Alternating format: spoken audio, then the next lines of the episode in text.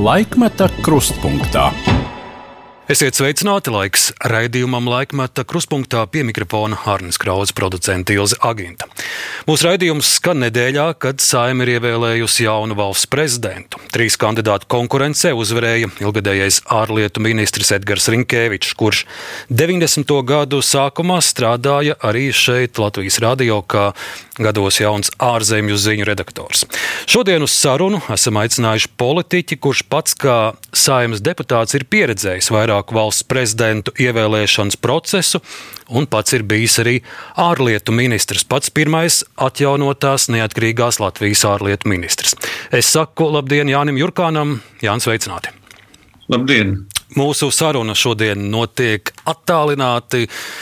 Stāstiet, kur jūs šobrīd esat un kā jums klājas? Es esmu starp Gibraltāru un vienu no vecākām Eiropas pilsētām Kadizu dzīvoju okeāna krastā, esmu Spānijā jau trešo gadu. Klājās labi, izņemot to, ka nevar nekādi dzīvot garam Latvijai. Visu laiku esmu, esmu Latvijā, politiskajā, Latvijas politiskajā dzīvē, un jāsaka, atklāt ļoti pārdzīvoju par to, kas Latvijā notiek, un, ja pareizāk sakot, kas nenotiek. Kā jūs sakojat norisēm Latvijā, tie ir sociālie tīkli, kā savādāk vēl? Ir sociālie tīkli, ir uh, draugi uh, no uh, iepriekšējā darba, cilvēki, kas vēl strādā ārlietu ministrijā, arī valdībā, un bijušie kolēģi, uh, kas, nu jā, ir ļoti daudz visā draugu un paziņu, un cilvēki grib aprunāties, arī žurnālisti zvana aprunāties, prasa kādu viedokļu par vienu vai otru notikumu. Tā kā es, es arī to izbaudu, es, es nemūku no, no, no sarunām par Latviju, par politiku, jo tad, kad tu esi bijis vairāk kā 30 gadus politikā, tu jau no viņas nevar aiziet. Un par Spāniju tā jums ir tagad tāda pamatīga dzīves vieta, kur jūs esat nobāzējies, vai, vai jūs pusu laiku Latvijā, pusi Spānijā? Es esmu praktiski pilnu laiku Spānijā. Kāpēc Spānijā? Tādēļ, ka man patīk šeit klimats, man patīk šeit ēdiens, šeit golfs ir cauru gadu. Tā ir man viena no galvenām nodarbēm spēlēt golfu, jo, jo, jo tā ir nodarbe, kas palīdz lēnām novecot. Lēnām. Un Spānijā ir karsti, bet uh, karsti šonadēļ bija arī Latvijas politikā, jo īpaši pēdējās nedēļas pirms valsts prezidenta vēlēšanām jūs noteikti arī šim procesam sekojāt. Tas mans pirmais jautājums būs par mūsu jaunievēlēto valsts prezidentu. Kā jūs uh, raugaties uz Edgars Rinkeviču? Es domāju, ka ir ievēlēts uh, vislabākais no kandidātiem, kāds bija vispiemērotākais cilvēks vispār Latvijas politiskajā uh, arēnā.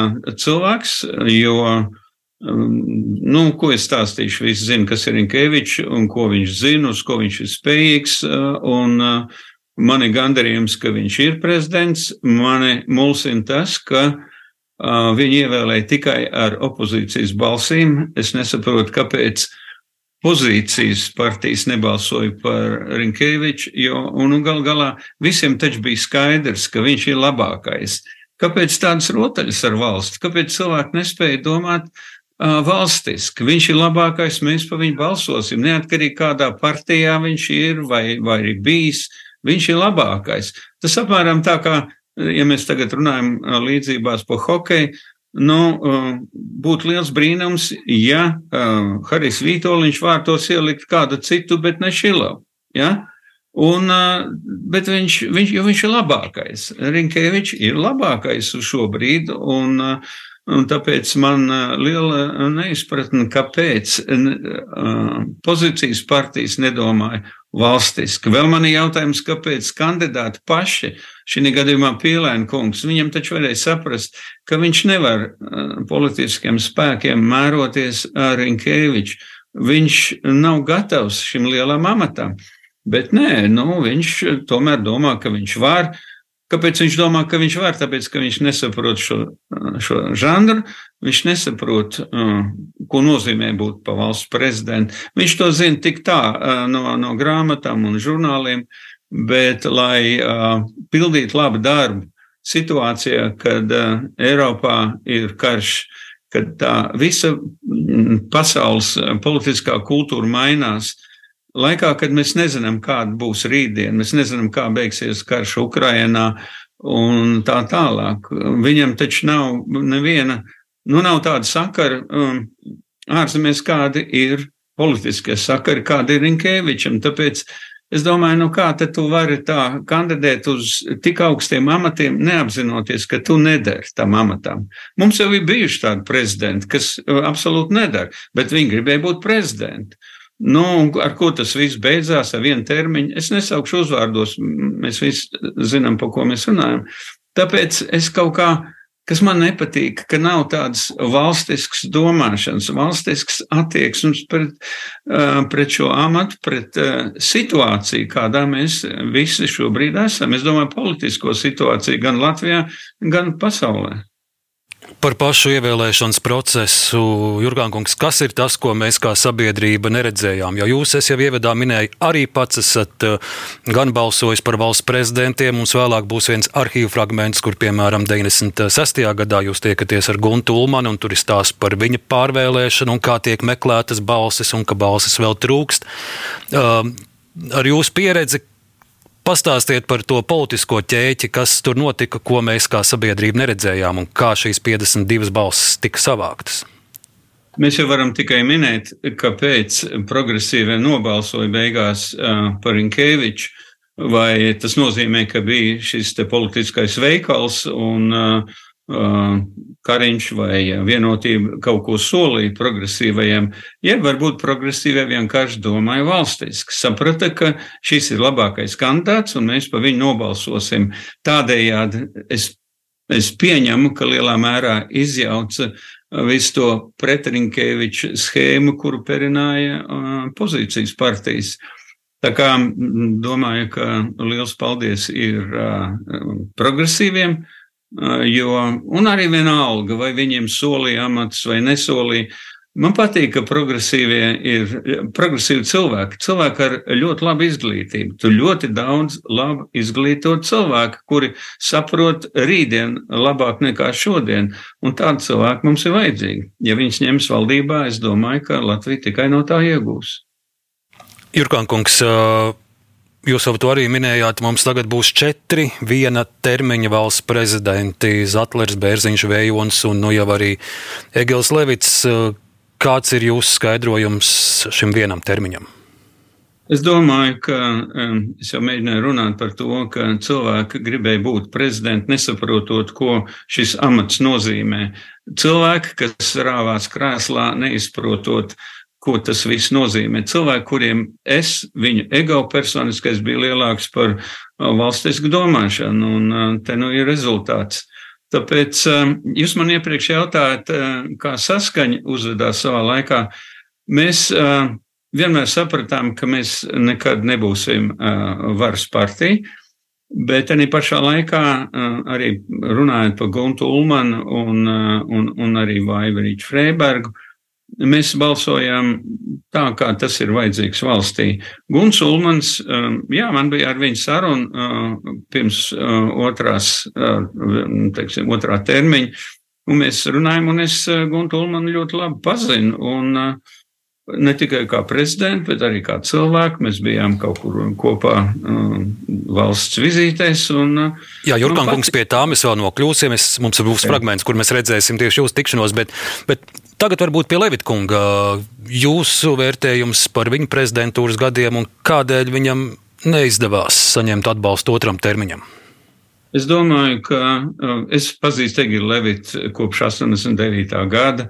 Viņš ļoti daudz palīdzēja arī man uh, veidot ārpolitisko dienestu.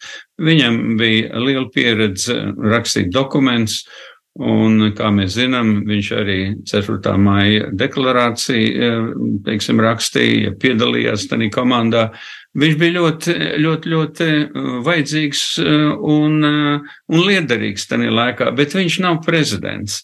Un tāpēc, ka viņam nav prezidentam vajadzīgo kvalifikāciju. Viņš to ne, nezināja. Viņš paļāvās tam, ka, oh, nu būs nācijas tēvs un visādām tādām, tādiem lētiem lozungiem.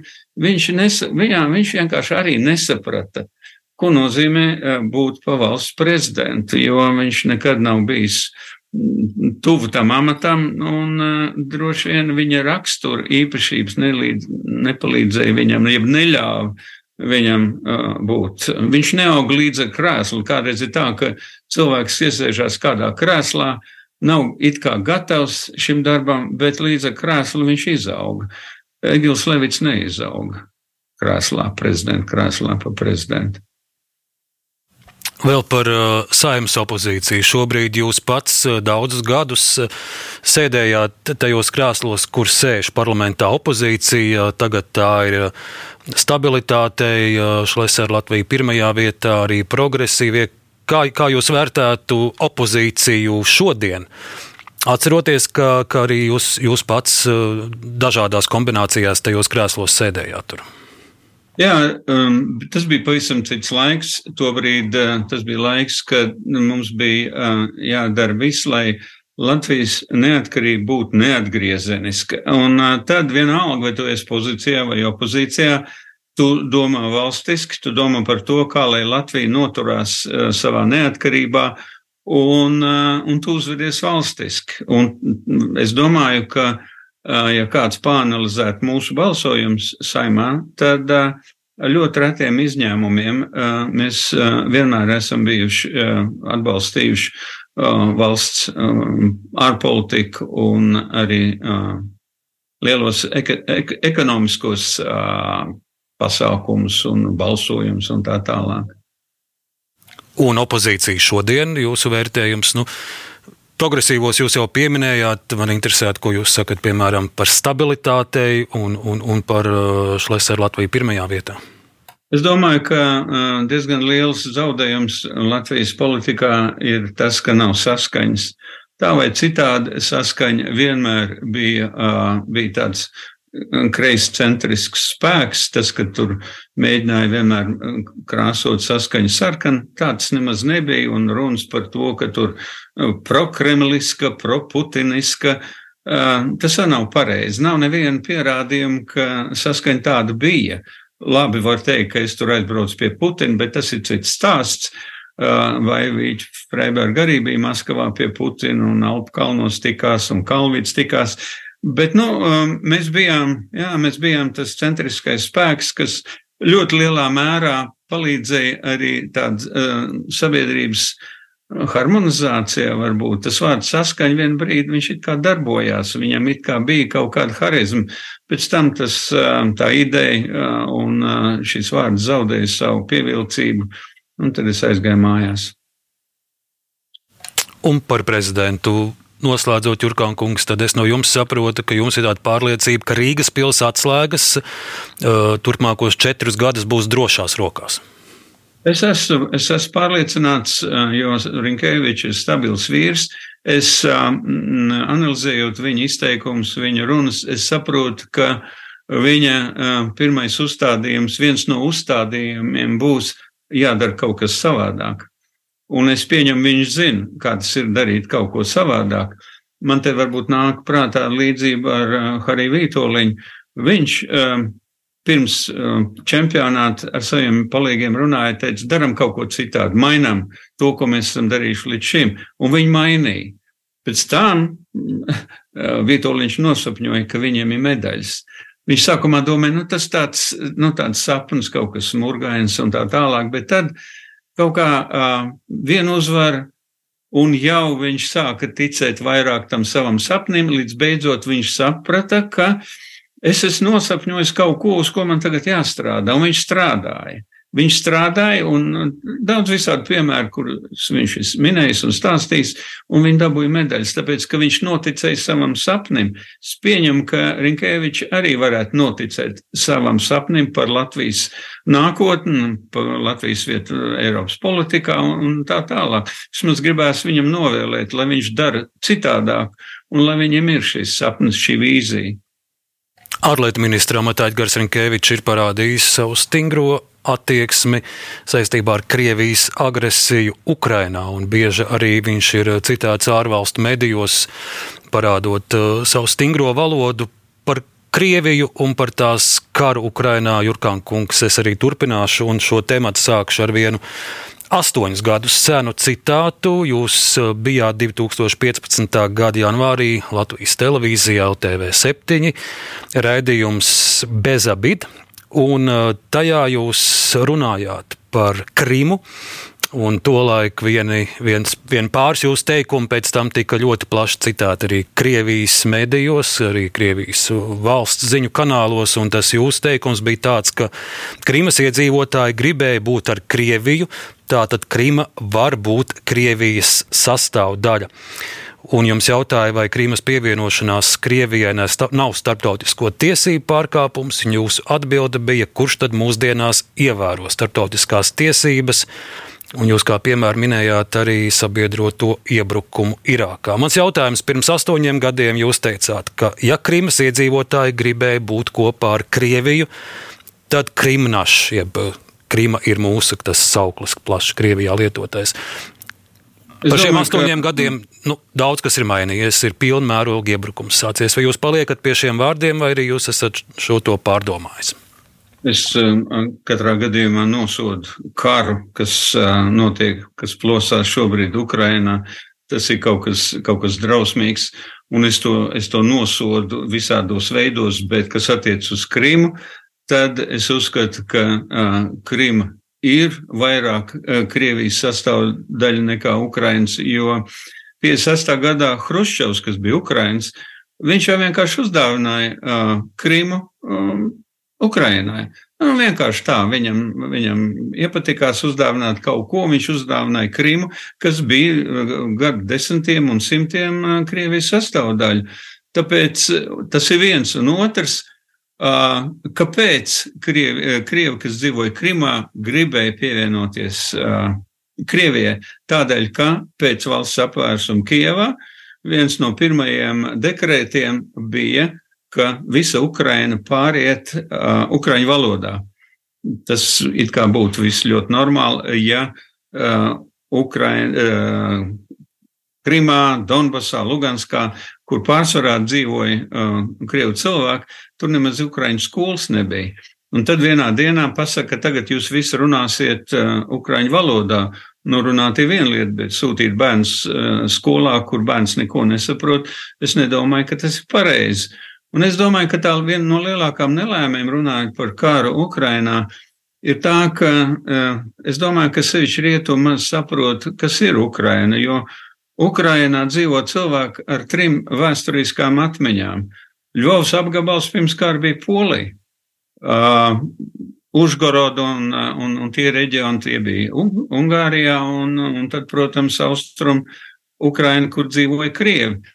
Un es atceros, armijā es viņam bija trīs gadus. Tāds naids, kāds bija šiem te uh, rietumu ukraiņiem pret tiem austrumu ukraiņiem, bija, bija, bija, šaus, bija šausmīgs. Viņš pat nelaid mācībās kopā, jo tur bija zvērīgs naids viņu starpā. Tāpēc uh, varbūt arī lielā mērā uh, viss tās nelaimes, kas ir tagad, bet tas ir garš temats. Es domāju, ir aiz tā, ka cilvēki nesaprot, politiķi nesaprot, kas ir Ukraina.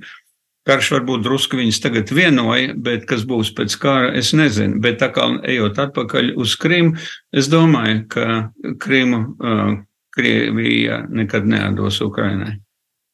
Es uh, palikšu pie jūsu vārdiem. Jūs teicāt, tad, kad Kijavā notika valsts apvērsums. Vai jūs ar to domājat Maidanu, vai jūs ar to domājat Janukoviča padzīšanu, jo šos vārdus valsts apvērsums tas ir tas, kā Kremlis sauc to, kas notika Ukrainā. Viņi to sauc par, par revolūciju.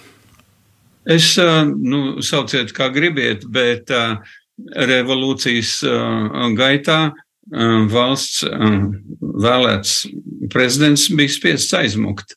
Nu, var to saukt, ka revolucionārā veidā viņš, viņš, viņš bija spiests aizmukt vai vienalga kā, bet, nu, vai tā bija revolūcija, es tā īsti nezinu. Es negribētu tagad lietot kaut kāds apzīmējums, Bet katrā gadījumā tas bija sākums visam tam, kas šobrīd notiek Ukrainā. Krievijas iebrukums 24. februārī, kad jūs uh, šo ziņu izlasījāt, kāda jums bija tā pirmā reakcija? Ko jūs sapratāt? Uz cik ilgu laiku tas būs vai cik ātri tas beigsies? Kas, kas bija tās pirmās domas jums? Vispirms es neticēju, ka tas notiks. Es neticēju, ka Krievija uzsāks karu ar Ukrainu. Uh, nu, vienkārši neticēju, jo viņa patiesībā ir tāds brāļu tauts, un uh, viss tās militārās izdarības robežas tūmā un arī tie kaut kādi signāli no rietumiem, sevišķi no amerikāņiem, ka no Krievijas gatavojās uh, iebrukt Ukrainā. Man liekas, ka nu, tomēr diplomātijai vēl bija kaut kādas iespējas to novērst.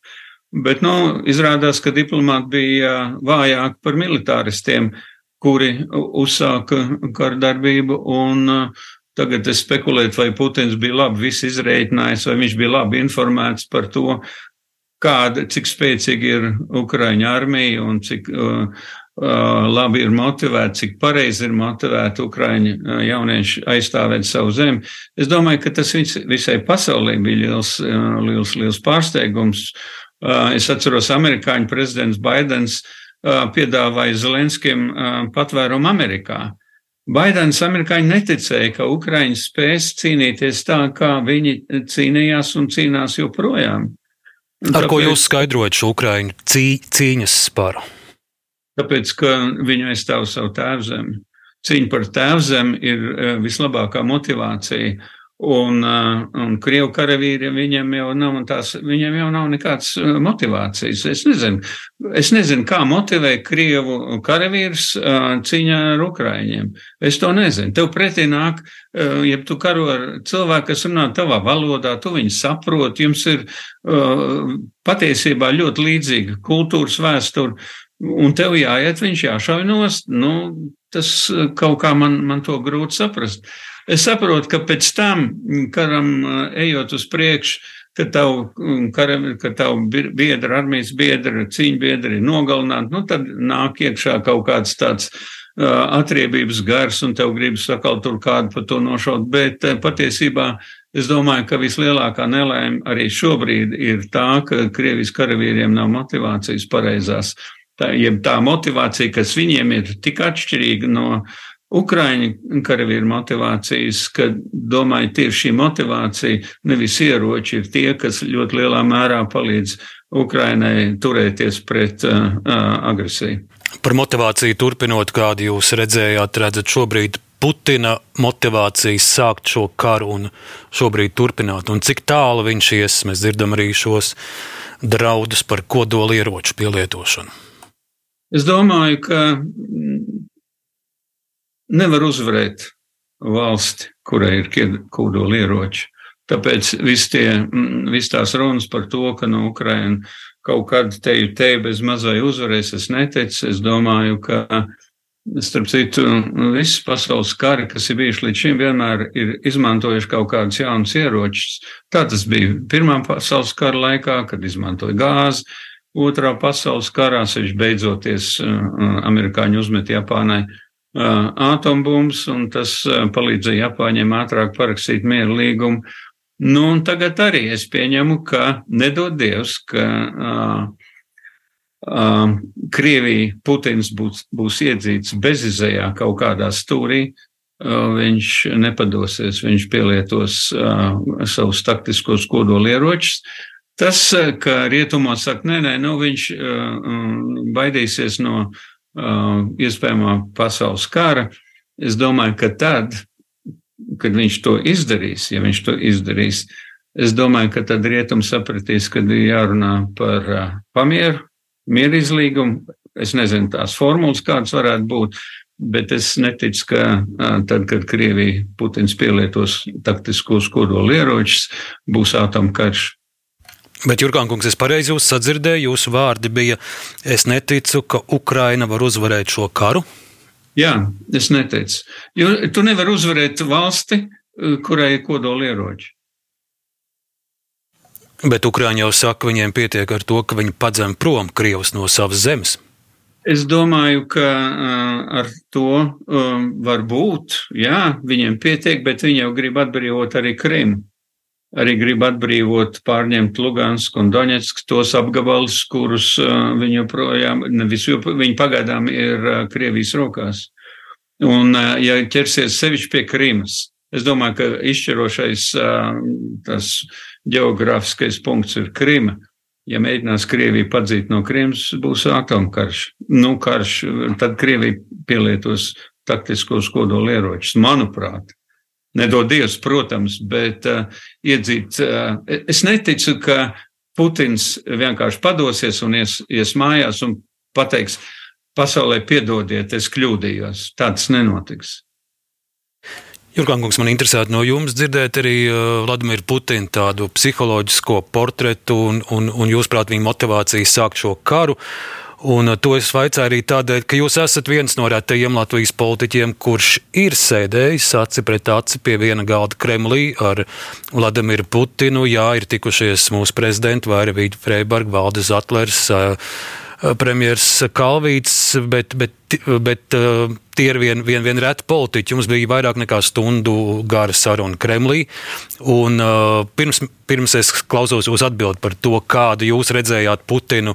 Tad un tagad uh, mūsu pirmais arhīvu fragments no 2002. gada septembra, tās ir pāris nedēļas pirms saimnes vēlēšanām, un Latvijā ir liela, liela rezonance ziņai, ka Vladimirs Putins uz Kremli ir uzaicinājis Jāni Jurkānu. Mans fragments no raidījuma panorāma sižeta autora Rodīta Kremberga 2002. gada 22. septembris. Kremlī notikusi Jāņa Jurkāna saruna ar prezidentu Vladimiru Putinu un tam sekojošās preses intervijas kopumā ilgušas nepilnu stundu. Izkārtot tikšanos Jurkānam palīdzējuši draugi. Krievijas eh, ārlietu eh, komisijas vadītājs Ragozins. Tas bija tas cilvēks, kas nāca man līdzi, kas bija klāt mūsu tikšanās laikā. Cilvēki no ārlietu ministrijas, tas pats Udaļcovs, administrācijas vietnieks ārlietās Prihoģko kungs. Tikšanās sākusies ar Putina monologu, kurā aicināts negrimt vēstures pārdarījumu analīzē. Krievijas prezidents ne ar vārdu nesot pieminējis Latvijas vēlmi iestāties NATO, taču uzsvērs Krievijas īpašās rūpes par Krieviem Latvijā. Putinu satraucot lielais nepilsoņu skaits mūsu valstī. Putins atgādinājis arī, ka vēlas, lai nepilsoņi varētu vēlēt pašvaldības un lai Krievi Latvijā ar vien varētu izglītoties dzimtajā valodā. Tie gan bijuši tikai ieteikumi. Nekāds diktāts uh, neviens nerakstīja Maskavā. Sarunas laikā Jurkāns centies panākt Latvijai labvēlīgāku tranzītu un banku politiku un sapratis, ka tas ir iespējams, ja realizētu viņa partijas politiku, kas sakrītot ar Putinu uzskatiem par Latvijai vēlamo attīstību. Es domāju, ka viņš gribēja man paspiest roku un teikt, uh, uh, lai jums veids vēlēšanās. Tas, ko jūs darat, uh, ir, ir, ir pareizi un civilizēti. Un tas ir starp citu, ko es no viņa dzirdēju. Es nedomāju, ka viņam bija kāda cita uh, uzdevuma un, tā, un interese. Nu, lūk, šeit stāsts no 2002. gada septembra, kur Vladimirs Putins jums novēl veiksmi vēlēšanās. Uh, par to, kā jūs nokļuvāt līdz Kremlim, arī man interesēs, bet, bet sāksim ar to, kādu jūs ieraudzījāt Putinu, sēžot uh, viņam metru no viņa. Un, Un man ir jāsaka, Putins ir diezgan mainījies. Es skatos šo 20 gadu seno ierakstu un, un to, kāds Putins ir šobrīd. Man gandrīz liekas, tie ir, tie ir divi dažādi cilvēki. Vispirms um, par to, kāds bija Putins tad, kad viņš iesēdās prezidenta krēslā um, 2000. gadā. Uh, viņš saprata, ka bez sadarbības ar rietumiem viņam būs ļoti grūti uzlabot Krievijas ekonomisko stāvokli. Un tad, kad 2001. gadā notika terorakts Ņujorkā, viņš bija pirmais, kas piezvanīja Džordžam Bušam un teica, Džordž, viss, ko vajag, es jums palīdzēšu, es jūs atbalstīšu. Un Krievija arī palīdzēja amerikāņu karavīriem lidot pār pa Krievijas, pār, pār pa Krieviju uz Afganistānu un, un daudz citas lietas. Cerībā, ka um, viņam atmaksās politiski par viņa žestu, uh, Uh, viņš uh, bija Amerikā un uh, Bušs ieskatījās viņam acīs un ieraudzīja tur skaistu debēseli. Turpretī senators Makēns ielūkojās viņam acīs, ieraudzīja čekistu. Nu, tāda visādi dažādi redzējumi, bet tas bija laiks, 2002. gads, pirms es biju Kremlī. Krievija nodibināja ar rietumiem, pārsvarā amerikāņiem, Krievijas un NATO sadarbības komisiju. Tā bija struktūra, kura it kā vajadzēja veicināt rietumu un Krievijas sadarbību drošības jautājumos. Bet uh, Tas nedarbojās, jo 2004. gadā mēs tikām uzņemti NATO, un pēc tam vēl pāris gadi, vēl kaut kāds bija. Es domāju, izšķirošā situācija bija 2008. gadā, kad NATO samitā Rumānijā pieņem deklarāciju, ka NATO durvis būs vaļā arī Ukrainai un Grūzijai. Un, un tad bija, tad notika augustā karš Grūzijā. Uh, es nezinu, kāpēc cilvēki visi runā, nu, visi politiķi runā, ka Krievija uzsāk karu, un tā nav taisnība, jo Eiropas padomu padomus komisija, kas strādāja pēc tam, pēc kara Grūzijā, secināja, ka šo karu iesāka Sākašvili, Un tādā dokumentā, 4. punktā, ir tas, ka Krievija izmantoja pārāk pārspēku, excessive force, angļu, angļu valodā. Un tas bija vienīgais pārmetums Krievijai. Ko es gribu vēl piebilst šeit, ka nedēļu pirms Sākašvili uzbruka mieru mier, mier sargājošiem karavīriem uz Dienvidu Osetijas un Grūzijas robežas. Tbilisī viesojās Kondolīza Rais, viņa bija valsts sekretāra tajā laikā, un es neticu, ka Sākašvili ar viņu neaprunāja savu iespējamo uh, uh, karu ar Dienvidosetiju. Neskatoties uz to, ka tur stāvēja uz robežas mieru uh, uzturošie spēki. Tā kā domāju, ka tas astotais gads ļoti lielā mērā parādīja visiem, ka Krievija, nu, sevišķi Ukrainai, ka, nu, ok, tagad Grūzija ir dabūjusi pa galvu, un tagad mēs parādīsim Ukrainai, ka amerikāņiem nenāks palīgā. Jo Grūzija viņa nenāca palīgā. Mēs sasitām Grūzijas armijas un aizgājām gan līdz Tbilisi. Un, un, nu jā, nu, un tad, tad sākās ļoti daudz kas, bet Par to būtu atsevišķi raidījums stundu garumā. Jā, bet Jurgān kungs, paliksim vēl pie tā 2002. gada jūsu Kremlī, Putina kabinetā. Nu, Kāda jums bija tā saruna, tīri cilvēciski, kādu jūs viņu ieraudzījāt? Es esmu iztaujājis gan Valde Zatleru nesen, gan arī Vairu Vīģi Freibergu. Viņi ir stāstījuši, par Putinu, kādu viņi redzēja, ka viņi jūta, ka tur ir šī VDK vai Čekas skola, eh, par to arī, ka viņi, viņam ir ļoti daudz informācijas un viņš spēja viņu ātri apstrādāt. Kāda jums bija šī stunda ar Putinu? Kādu jūs viņu ieraudzījāt? Es domāju, ka tās tādas muļķības, ko Zatlers tiražē, ka viņš tur ieraudzīs čekistu vai vēl kaut kā. Es domāju, ka tie cilvēki, kas ir runājuši ar, tikušies ar Putinu, vispirms redz, ka sarunu biedrs ir ļoti zinošs cilvēks. Ļoti zinošs, ļoti pieklājīgs, ļoti diplomātisks. Absolūti nebija tur tā, ka nu, tu tur no mazās Latvijas un es lielās Krievijas prezidents. Absolūti ar, ar, ar cieņu un ar izpratni par situāciju Latvijā. Jā, viņš bija informēts par to, ka mēs esam par to, lai krievu cilvēkiem būtu iespēja sūtīt bērns krievu pamatskolās un, un, un, un, un tā tālāk. Viņš par to bija ļoti labi informēts, un viņam nebija ne, ne, absolūti nekāda ne pārmetuma Latvijai. Viņš minēja, ka viņš bija ticies ar Vairvīķu Freibergu, viņš uzteica, ka mums ir ļoti inteliģenta un, un, un interesanta prezidenta. Viņš bija ļoti pozitīvs pret Latviju. Tā kā, ja tie runā, ka viņi redz čekistu, nu, var jau varbūt skatīties uz viņu kā uz čekistu. Es skaties uz viņu kā uz Krievijas prezidentu, un man vienalga, ko viņš darīs, ir iepriekš bijis čekists vai armijas ģenerālis vai vēl kaut kas. Un kā jūs, bet... Jurkān kungs, un kā jūs uz viņu skatāties tagad, 2023. gadā? Es domāju, ka viņš ir noziedznieks. Tas, ko viņš dara, tas ir šausmīgs noziegums pret, ne tikai pret Ukraiņu tautu, bet arī pret savu tautu. Es domāju, ka viņa nozieguma sekas būs jūtams tikai tad, kad būs karš beidzies. Un, bet karš vēl nebeidzās, ar vien vairāk un vairāk cilvēku iet bojā. Un es domāju, ka šis ir laiks, kad būtu būtu laiks pārtraukt, pārtraukt kardarbības, kaut kāds pamieris un, un sarunas par to, kā dzīvosim tālāk.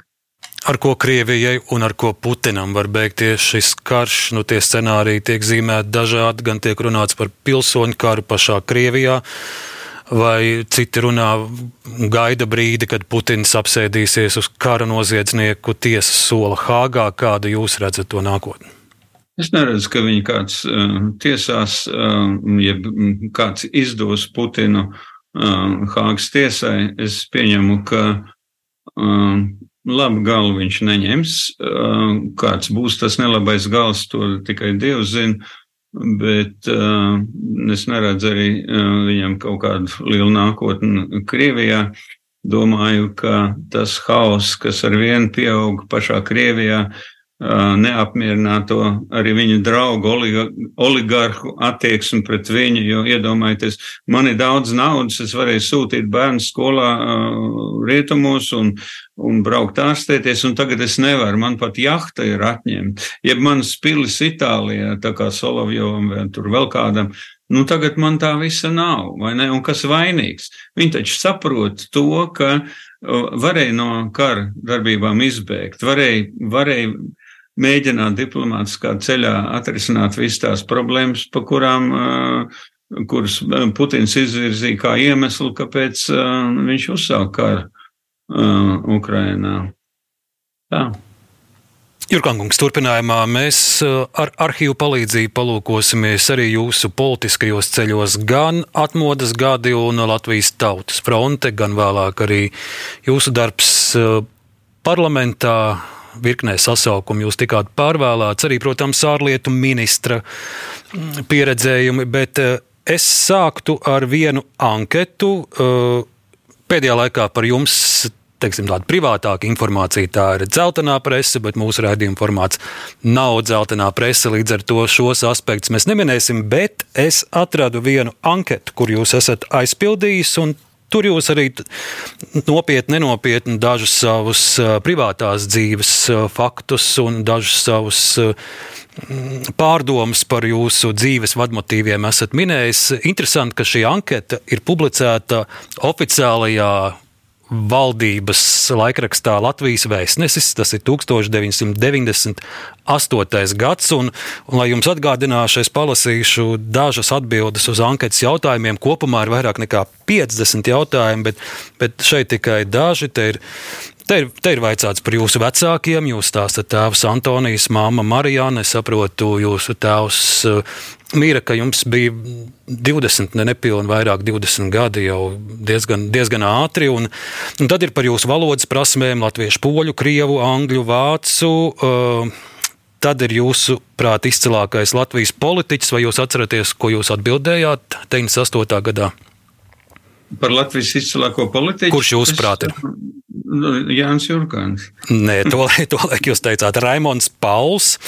Uh, tad bija jūsu dzīves vadmotīvs nedara citiem to, ko negribi, lai dara tev. Ko jūs dzīvē visvairāk neciešat? Jūs atbildējāt uh, viltu, melus, nodevību. Un kādas grāmatas visvairāk patīk lasīt? Jūsu atbild bija par politiku, politiķu memoārus. Un tad vēl interesanti, ko jūs noteikti gribētu izdarīt līdz 2000. gadam uzvarēt uh, pašvaldību vēlēšanās Rīgā. Tāda bija jūsu atbilde. Un pats pēdējais, uh, par ko jūs sapņojāt kļūt bērnībā, par tulku kādam valsts vīram, un no kā jums ir bail, jūsu atbilde bija no miršanas procesa. Tādas atbildes 98. gadā Latvijas vēstnesī es atradu. Vai, vai atminat, ka kaut ko tādu pildījāt šādu anketu? Es neatceros, um, ka es, um, es esmu tik daudz kaut ko pildījis, un, uh, un, un, bet tas, ko jūs nolasījāt, nav, nevien, nav, nav nevienas atbildes, kur es uh, šodien Es atbildētu savādāk. Nu, nav, es uzskatu, ka Raimons Pauls ir viena, viena, viena, varbūt viņš nav politikā, bet viņš kā parādība Latvijas gan politiskā kultūras dzīvē ir, ir, ir, ir, ir viens, viens, viens piemineklis, teiksim tā, labāks vārds pagaidām nevar atrast. Tā es domāju par Raimonu Paulu. Un, jo tik daudz, cik viņš ir izdarījis latviešu cilvēkiem ar savu mūziku, ar savu mākslu, nav neviens, nav neviens cits, kas man nāk prātā, kas varētu tā uzlabot cilvēkiem garstāvokli un vispār, jo tā kā Raimons Pauls. Tā kā, nu, es šodien vai es teiktu kaut ko savādāku? Nē. Es domāju, ka es joprojām minētu Raimonu Paulu. Un gan šajā anketā, gan arī citās intervijās es redzēju, jums ir vaicāts, jūs gan atklāti esat runājis arī par nāvi. Es redzēju arī Vladlena Dozorceva grāmatā, jūs bez bailēm runājat par, par šo nāves procesu. Jūs esat arī teicis, ka jūs pats nevēloties ne, ne bēres, ne kapakmeni. Kādēļ jūs par to runājat. Nu, es pieņemu, jums vaicāju, jūs arī atbildat, bet, bet to es redzu jau gadu garumā par šo tēmu jūs domājat. Kādēļ? Es, um, tāpēc, ka es, es viņai skatījos acīs um, nevienreiz vien, un, uh, un, un tad, kad tu sastopies ar tādu parādību, ka tev pasaka, ka tev ir jāmirst, ka tev ir neizārstējama slimība, tu pusgadu uh, esi slimnīcā un gaidi to to vecenu ar izskaptu un viņi neatnāk. Tu jau pieredzi, kad cilvēki nāk skatīties, kā tas jurkāns mirst, tavu draugu un radi un, un, un tā tālāk, tad um, tu pierodi pie tā, ka tev būs jāmirst. Un, uh, un pirms tam jau arī es uh, biju, es biju spiests karot. 68. gadā es biju armijā, un es biju spiests karot, un, uh, un, un es zinu, ko nozīmē stiept uz muguras mirošu karavīru Tas bija arī, Prāgā, ja es saprotu. Jā, jā kad, kad, kad tev lodas svilpo gar ausīm un ka tu brīnumainā kārtā izdzīvo, bet tu redz nāvi. Ka tev, tu nes cilvēku, kas mirst uz tevis, un tu redz vēl, vēl un vēl. Tu pierodi pie tās domas, un tu pierodi skatīt, tu pierodi nebaidīties no tās parādības. Un tas, tas ļoti palīdz. Tas ļoti palīdz dzīvot, ka tu nedripstenies tu esi drošs un tu esi gatavs uh, uz, nu labi, nu es, teiksim, vieglu dzīvi nekad dievam neesmu lūdzis, bet vieglu nāvi gan. Vai tādu es saņemšu, es nezinu. Ja par dievu es saprotu, jaunībā vai pat tādā bērnībā jūs esat bijis altārzēns un arī, arī tādā ticībā un, un katoļu ticībā ģimenē audzināts. O, jā, man vecāki bija tādi ortodoksāļi katoļi, un patiesībā viņi jau gribēja, ka es kļūstu par katoļu mācītāju. Bet, nu, lai būtu par mācītāju, tur ir vajadzīgs aicinājums no Dieva, bet es tādu nesaņēmu. Un tāpēc es par mācītāju nekļuvu, bet tā katoliska audzināšana man ļoti lielā mērā palīdz arī tagad. Tur ir, es neju baznīcā un es Un es pavisam savādāk skatos uz reliģiju un ticības lietām, bet tenī pašā laikā tā katoliskā audzināšana man palīdz un palīdzēs visu mūžu. Es nonāku, um, es pieņemsim runāju par armiju, es nonācu cietumā uz septiņiem gadiem armijā. Un uh, es, uh, tad, kad tu pasaki, nu tā tev vajag, tā, tā Dievs grib, tad uh, tu mocies mazāk Tev nav, tu, tu saproti, ka nu, tā vajag, nu, tā viņš grib. Jurkān kungs, es, es nepārklausījos, sep, septiņi gadi cietumā jūs bijāt? Jā, man bija, man piesprieda septiņus gadus cietumu, es biju nosēdējis, un ar armijas cietums nav nekāds joks, es biju nosēdējis pusgadu, kad man izsauca uz štābu un teica, vai nu tu brauks karot, un ja tu izdzīvos, brauks mājās, vai nu tu turpini sēdēt. Man ļoti gribējās, man bija 22 gadi, man ļoti gribējās dzīvot, un es izšķīros braukt, karot. Un par ko jums piesprieda tos septiņus gadus? Tāpēc, ka it kā manas vainas dēļ tika sabojāta slepena kara tehnika, lai gan es tur nebiju vainīgs, bet nu, tā tas sanāca, un uh, tur nevienu neinteresēja detaļas. Es dabūju septiņus gadus, un, uh, Un, un man lielākā problēma toreiz bija, kā lai mamma to neuzzina mājās. Bet, nu labi, tie tādi emocionāli stāsti, bet uh, šādas te epizodes jau cilvēku veido uz, uz priekšu. Tu kļūsti, tu kļūsti drosmīgāks, tu saproti, kā izvairīties no bailēm, kā caur viņām iziet, un daudz ļoti labas lietas tu iemācies tādās situācijās. Jūs, Jurkankungs, nākat no kuplas ģimenes. Es mēģināju papētīt jūsu saknes. Ir daži mūsu interviju varoņi, kur man tas izdodas. Jūsu gadījumā es tur šķetināju, bet, bet nevarēju caur arhīviem atrast, kādas ir tās jūsu dzimtas un jūsu poļu izcelsmes saknes. Es um, atceros, mēs ar Gordonu bijām Baltānamā 90. gadā. Un eh, prezidents Bušs jautāja, paklausies, bet tu esi pūlis, kā tas, gadā, kā tas gadās, ka tu eh, esi Latvijā un, eh, un, un, un tu esi ministrs un pūlis un tā tālāk. Un viss, ko es zināju, ka mans vecvērts tēvs kārtīs Polijā bija zaudējis savus īpašumus un, un atbrauc uz, uz Latvijas teritoriju. Toreiz bija tā Viņi saucās uh, infanti un tā tālāk. Bet, nu, vienalga, tas bija, um, tas bija um, Daugavpils rajonā viens, viena, viena liela sāģa, kur dzīvoja poļi tikai. Tas bija poļu baznīca. Un no turienes nāk arī man abi divi senči, gan tēvs un viņa ģimene un arī mamma. Tālāk.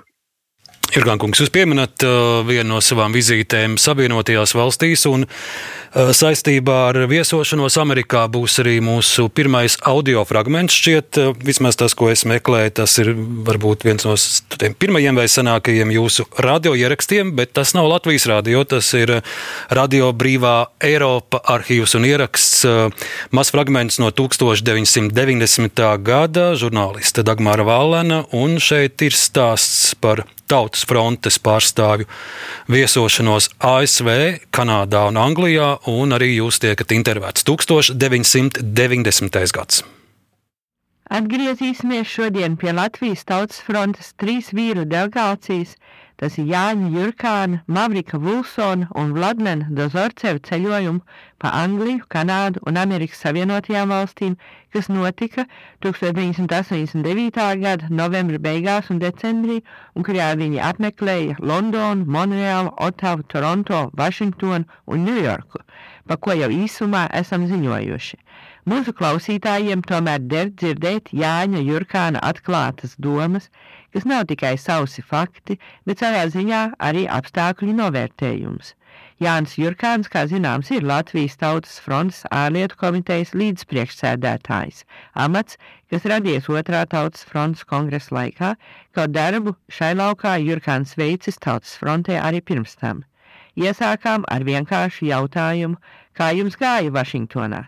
Bet Jāņa Jurkāna atbilde tik vienkārša nebija. Viņš teica, nu, tā godīgi saka, te nevar saprast, vai labi, jeb slikti, jo tā, tas darbs, ko es līdz šim esmu darījis, un tās tikšanās, kādas man ir bijušas ar, rietumu politiķiem, viņas ne ar ko neatšķiras šeit Amerikā.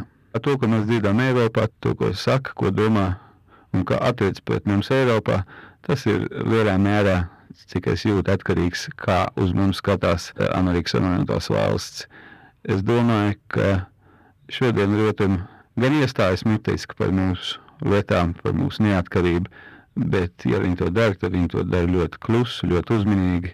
Es saprotu arī pēdējā tikšanās reizē ar Gorbačovu, Bušu esot runājis par mūsu lietām, un mēs esot uzsvērs, ka, ka visam tam procesam, kas notiek Baltijas valstīs, to nedrīkst pārtraukt ar vāru, ar spēku, ka tam jāiet savu ceļu. Bet es domāju, ka ar to vien šodien ir pamāzi ka atzīst, ka bija inkorporācija, ka, ka Amerikas Savienotās valsts un arī daudz Eiropas valsts pieturās pie tā saucamās neatzīšanas politikas.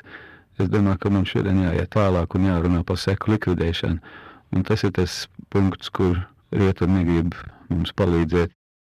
Lūk, šāds citāts no 1999. gada Radio Brīvā Eiropa arhīvs ir atmodas laiks. Mēs vēl neesam atguvuši savu neatkarību, un šeit ir jūsu vārdi. Ir jāiet tālāk, ir jāatgūst neatkarība. Rietumi mums, mums negrib palīdzēt, un to jūs sakiet, esot Vašingtonā. Nu jā, jo arī esot Baltānamā, Bušs mums atgādināja, nešūpojiet Gorbačovu laivu, viņš mums ir vajadzīgs. Un mēs vienmēr esam atbalstījuši jūsu neatkarību, mēs nekad neesam atzinuši jūsu vardarbīgu iekļaušanu PSRS. Bet šī situācija Gorbačovs mums ir svarīgāks, jo ar viņu mēs varam panākt daudz vairāk un, un tā tālāk. Tad, un tas jau nebija tikai Vašingtonā, tas jau ir arī Vācija bija ļoti uzmanīga, izņemot varbūt Skandināvu valsts, tas bija ļoti atbalstoši sevišķi Dānija. Bet jā, nu, tas, tas nebija vienkārši, jo um, ļoti ļoti bieži mēs sastapāmies ar šo te nedariet pāri Gorbačovam, un, un es arī sapratu, ka ļoti daudz rietumu vadītāji īsti līdz galam nekad nesaprata, ko tas Gorbačovs grib un kāpēc viņš ir tik svarīgs. Es atceros, es biju Londonā 91. gadā, janvārī pēc janvāra notikumiem Viļņā, un es tikos ar Margaritu Tečeru, Viņi jau nerunāja, kas notiek Latvijā. Viņi interesēja, ko, ko tu vari teikt par Gorbačovu, kas tur notiks, kas tur būs, kāda būs uh, padomu savienība vai, uh, un ja tu runāji par to, ka šogad padomu savienība sabruks, jo bija tādas indikācijas, tad viņi negribēja to pieņemt, jo tas būtu šausmīgi nērti. Tad mainītos viss pasaules kārtība. Un cilvēki bija pieraduši pie, pie kā augstā kara, Skaidrs, tur ir uh, NATO un tur ir Varšavas pakts, un tā mēs dzīvosim tālāk. Bet, uh, uh, lai izprastu situāciju Krievijā un lai izprastu to, kāpēc Padomu Savienība brūk, it kā rietumu politiķiem bija nērti. Tālūk. Pārliksim jau uz priekšu, jūs pieminat 91. gadu, un tas ir gads, kad jūs esat atjaunotās Latvijas pirmais ārlietu ministrs, un nākamais kinofragments būs no Latvijas kronika, numur 31. 91. gads, un uh, šī ir ļoti interesanta kronika. Šeit pusstundā ir dokumentēta faktiski jaunā mūsu ārlietu dienesta un uh, jaunā ministra pirmie soļi, pirmās lielās vizītes. Sākās ar to, kā, kā Rīgas lidostā ierodas uh, Dānijas vēstnieks, kas ir pirmais no rietumu vēstniekiem. Tālāk sako Francijas, Vācijas ārlietu ministri un jūsu došanās arī uz Maskavu. Šeit būs tikai pavisam, pavisam īs fragments, lai, lai atminētos, kā veidojās mūsu ārlietu dienas pēc neatkarības atgūšanas un, un kādi jums bija pirmās nedēļas, pirmie mēneši jaunajā amatā. Palūkosimies! Hans Dītrichs Genšers, Vācijas ārlietu ministrs, Latvijā ieradās septembra vidū.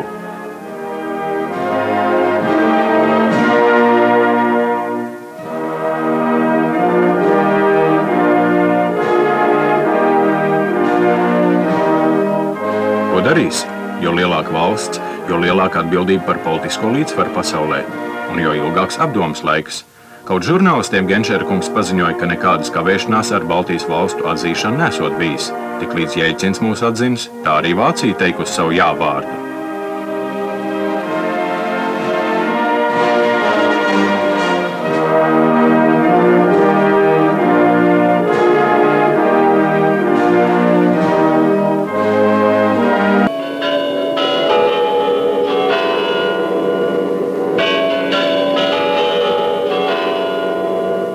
Beidzot, ledus sakustējās arī Maskavā.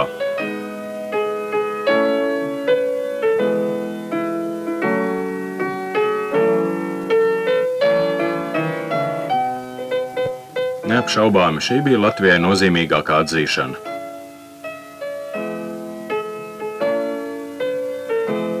Lai saņemtu brīvlaišanas grāmatu no PSRS ārlietu ministra Pankina kunga rokām, Jurkāna kungam bija vērts mērot ceļu uz Maskavu.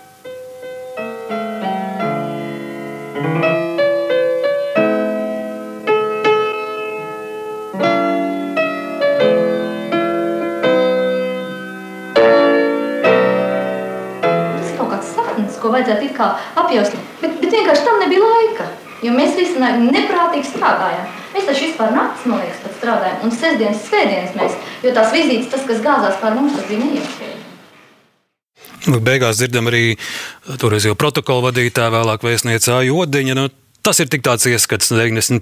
gads Latvijas kronika, autori Andris Rozenbergs, Andris Vanadziņš, operatori Boikovs, Dumbergs, Zaltsmanis. Uh, Jūs esat vairāk kārt Jurkānkungs mudināts rakstīt memoārus. Nezinu, vai jūs esat pieķēries tam beidzot, bet ja par šo ministra laiku būtu jāraksta un, un tiem pirmajiem mēnešiem pēc neatkarības atgūšanas, um, ar ko jūs šīs memoāru lapus sāktu? Protams, kā es iestaigāju 22. maijā 90. gadā ārlietu ministrijā, un, uh, um, un, un toreiz jau man jau nebija komandas, man bija jāsāk no nulles, bija jāsāk uh, meklēt cilvēku, kas varētu strādāt, cilvēku, kurus varētu motivēt, kuri noticētu, ka 91. gadā Latvija būs neatkarīga. Un uh, tas nebija vienkārši, bet uh, tajā pašā laikā bija ļoti liels tāds, tāds, tāds, tāds iekšējs, iekšēja pārliecība, ka mēs būsim neatkarīgi, jo, jo, jo tad, kad tu esi lielos amatos, tad tu zini tev informācijas vairāk nekā tu izlasi uh, laikrakstos. Un uh, tāpēc es, uh, es atceros, tas bija uh, 91. gadā uh, februārī, es raidījumā Globus teicu, ka šogad Latvija būs neatkarīga. Jo man bija, man bija, man bija ļoti liela, pamatīga tāda pārliecība, jo man bija informācija.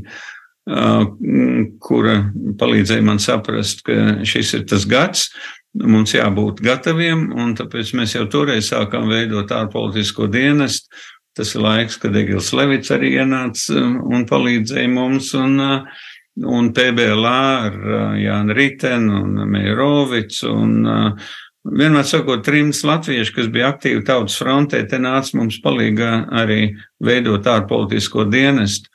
Tā kā tas bija, tas bija laiks, pa kur es esmu mēģinājis jau arī rakstīt, un uh, es esmu kā jau uzrakstījis uh, grāmatu no Reigana līdz, uh, Gorbač, līdz Putinam, bet nu, tagad, kad Putins ir tāds, kāds viņš ir, tad man tas viss ir, ir kā būtu jāpāraksta stingri, jo, jo, jo ir daudz lietas, pa kuru mēs rakstījām, absolūti šodien nedara. Nu, nu tā, tā kā Un no otras puses, es, eh, es kaut kā domāju, nu, kādu vēl pēc es rakstīšu, kam šodien interesē. Vai jaunatne šodien vispār zina, kas, kas toreiz, kas bija tautas fronte? Es zinu, ka jauni cilvēki, tu viņiem prasa, kas ir tautas fronte, viņi patiesībā nezina. Tā kā kaut kā tas, ka šodien tas nevienu vairs neinteresē, šodien cilvēki ir aizņemti ar situācijas izpratšana ar to, kā dzīvot tālāk, jo jaunieši saprot, ka būs jādzīvo pavisam citos, citos apstākļos, citos laikos.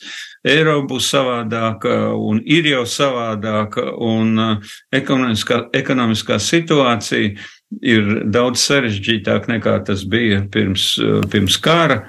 Es domāju, Krievijas un uh, Ukrainas kara. Tā kā jaunieši vairāk ir nodarbināti ar, ar kaut kādām nākotnes lietām.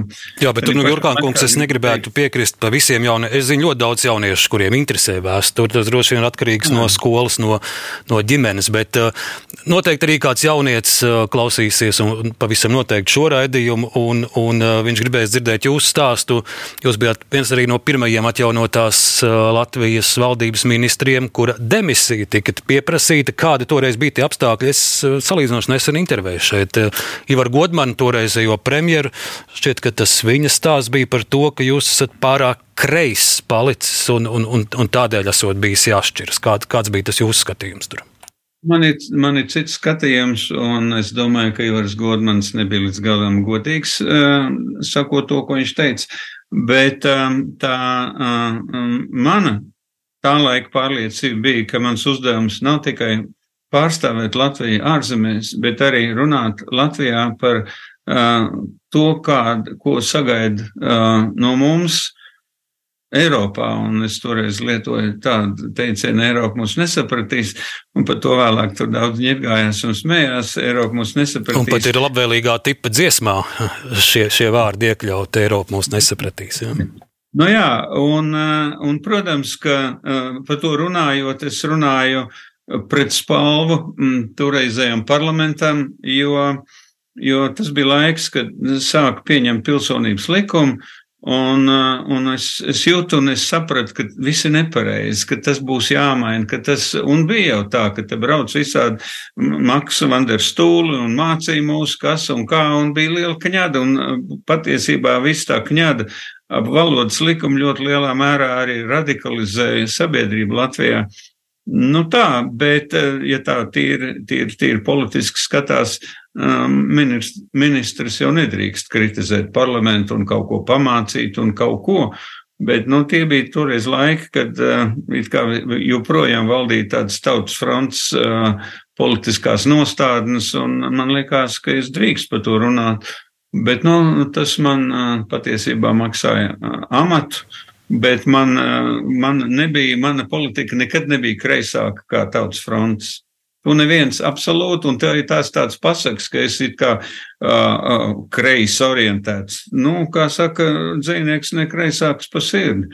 Bet, uh, jo tādā laikā, nu, tādā pārmaiņu laikos, ļoti daudziem cilvēkiem bija, bija, bija šausmīgi grūti pie šīm pārmaiņām, un tāpēc es uzskatīju, ka valstī, kur ir tik daudz pensionāru cilvēku, ir jāpalīdz, jāpalīdz visādos sociālos pasākumos un sociālajām programmām. Nu, ja tas ir kreis, tad es esmu kreis, bet es uzskatīju, ka tas ir mūsu pienākums cilvēkiem palīdzēt iziet ar šo pārmaiņas laiku. Jurgān kungs, jūs pieminējāt lielo kņādu, kas tolaik bija parlamentā īpaši par diviem likumiem, par valodas likumu un par pilsonības likumu. Mans nākamais fragments no Latvijas televīzijas panorāmas būs pilsonības likuma apspriešana saimā, un te arī varēs jau sajust to, atmosfēru, kas, kas parlamentā valda. Mēs dzirdēsim no sižeta debates un, un, un divus runātājus. Viens būs Aleksandrs Kirsteins, un pēc viņa tribīnē kāpjat arī jūs fragments no 1994. gada 21. jūnija parlamenta sēdes, kurā tiek izskatīts pilsonības likums.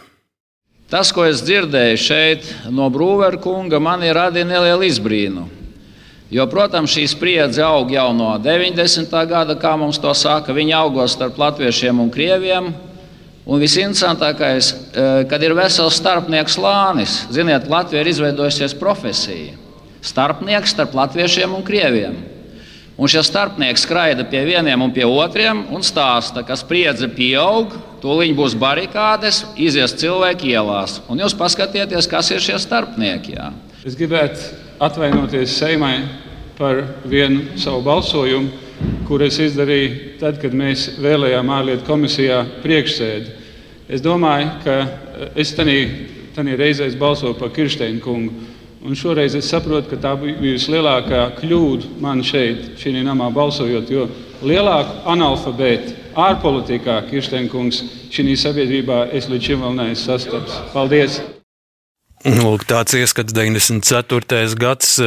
Vai jūs joprojām paliekat pie tiem vārdiem, ka, ka lielāka analfabēta ārpolitikā par Aleksandru Kirsteinu nav, vai, vai pa šiem gadiem tur tas saraksts jums ir mainījies? Es um, gribu aiziet atpakaļ uz 91. gada uh, 14. janvāru. Tad Tallinā uh, tikās uh, Jelcins un Gorbunovs un tika parakstīts dokuments, sadarbības deklarācijas starp Krieviju un Latviju. Un viens no punktiem bija par pilsonības piešķiršanu visiem Latvijā tajā laikā dzīvojušiem cilvēkiem.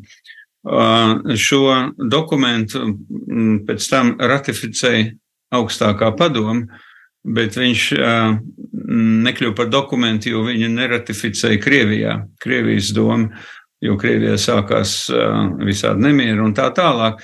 Tā kā nu, tā bija tā reālā situācija. Un, nu, kaut kā bāzēt savu valsts politiku uz, uz meliem un kaut kādiem nepareiziem solījumiem.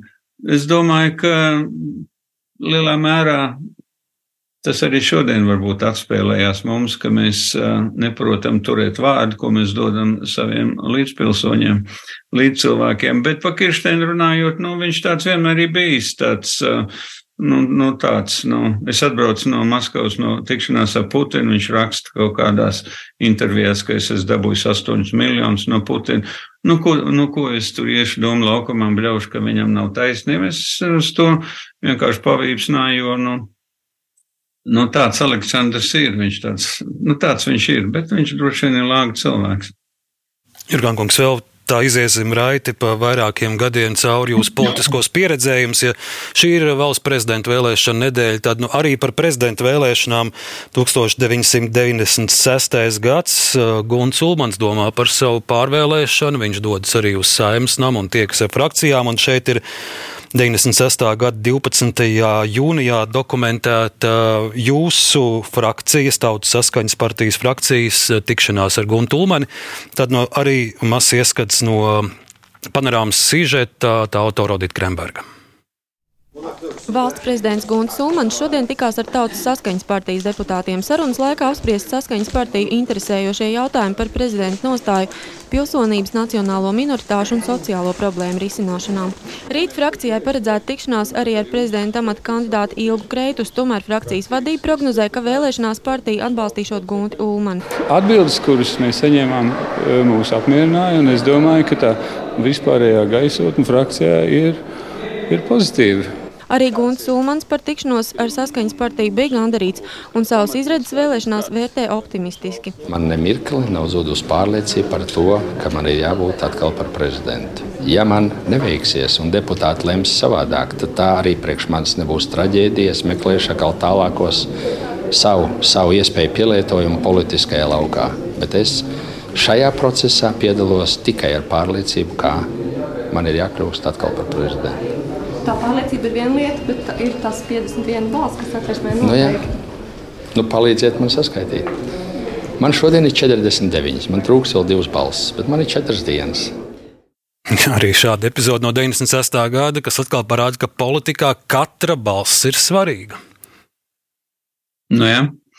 Nu jā, un mm, Guntulman otrajam, otram termiņam ievēlēja ar saskaņas balsīm, Un uh, es uh, par to esmu gandarīts. Es domāju, ka viņš bija labs prezidents. Gunts Ulmans, labs prezidents, Valds Birkaus bija labs ārlietu ministrs. Nākamais fragments no 1996. gada novembra. Saimā notiek ārpolitikas debates un ir jautājums par neusticības izteikšanu ārlietu ministram Valdim Birkavam. Un, un šeit ir fragments, kur uh, jūs protestējat, ka jums tiek dots pārāk mazs laiks, uh, lai jūs izteiktu savu viedokli. Tad nu arī palūkosim maz fragments no 96. gada novembra ārpolitikas debatēm saimā. Bet pirms balsojuma notikušajās debatēs izskanēja jau ārlietu komisijā izteiktie pārmetumi par ministru pārlieku centīgo darbu, kontaktu veidošanā rietumu valstīm, kādēļ attiecības ar kaimiņiem, īpaši Krieviju, palikušas novārtā. Birkaus saņēma kritiku arī par kļūdām. Vēstnieku izvēlē ārlietu ministrijas darbinieku augstprātību, pieminēti tika arī neliederīgie ārzemju komandējumi. Vairāk deputātu runās netrūka virkni tēlēnu līdzību. Šis kungs, kas ir atbildīgais, nav kaut kāds mazs ešalons cilvēks kas ir ticis kādā amatā. Viņš kādreiz bija Latvijas premjerministrs. Viņam viss šņūri ir, viņš var visu kaut ko manipulēt, ja viņš grib. Viņš vada Latvijas ceļu. Škēļas kungs, jums nevajadzētu to buļļi turēt visu laiku aiz astes. Ir jāņem tas buļļis pie ragiem un jāpagriež tā buļļa galva uz 180 grādiem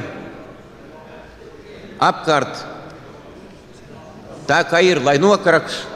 Viens no neusticības izteikšanas ierosinātājiem Jānis Jurkāns savus domas debatēs neizteica. Tā protestēdams pret to, ka pēc Latvijas ceļu pārstāvju ierosinājuma runu laiks tiks saīsināts. Es atsakos no šīs tribīnes runāt, jo piecās minūtēs nopietnu pārpolitiku izrunāt nevar. Es mēģināšu atrast citu auditoriju, kur izteikt savus apsvērumus tāds ieskats 27 gadi pagājuši, te mēs atceramies, ka uh, raibas runas no parlamenta tribīnes skanēja nevien šajos laikos, bet arī to laiku mēs redzam deputātus Valdmanis un otrs kungs bija Stašs uzvārds, ja es, ja es nemaldos. Stašs. Jā, nu, 96. gads, kas jūs neapmierināja ar ārlietu ministru Valdu Birkau? Es domāju, ka um, Latvija vienmēr jutīs uh, Krievijas sānu. Mēs vienmēr būsim Krievijas kaimiņi un ļoti lielā mērā kādas attiecības mēs veidosim ar, ar Krieviju, ar mūsu kaimiņu, ir atkarīga Latvijas būt vai nebūt. Un arī šodien es domāju, ka šī mana pārliecība joprojām ir spēkā. Vienalga, mēs esam NATO valsts, Eiropas Savienība. Ja Krievija uzsāks agresiju pret Baltijas valstīm, mēs zaudēsim savu neatkarību. Kaut kā tā. Es ticu, es ceru, ka Krievija iestrēgus Ukraina, karā Ukrainā.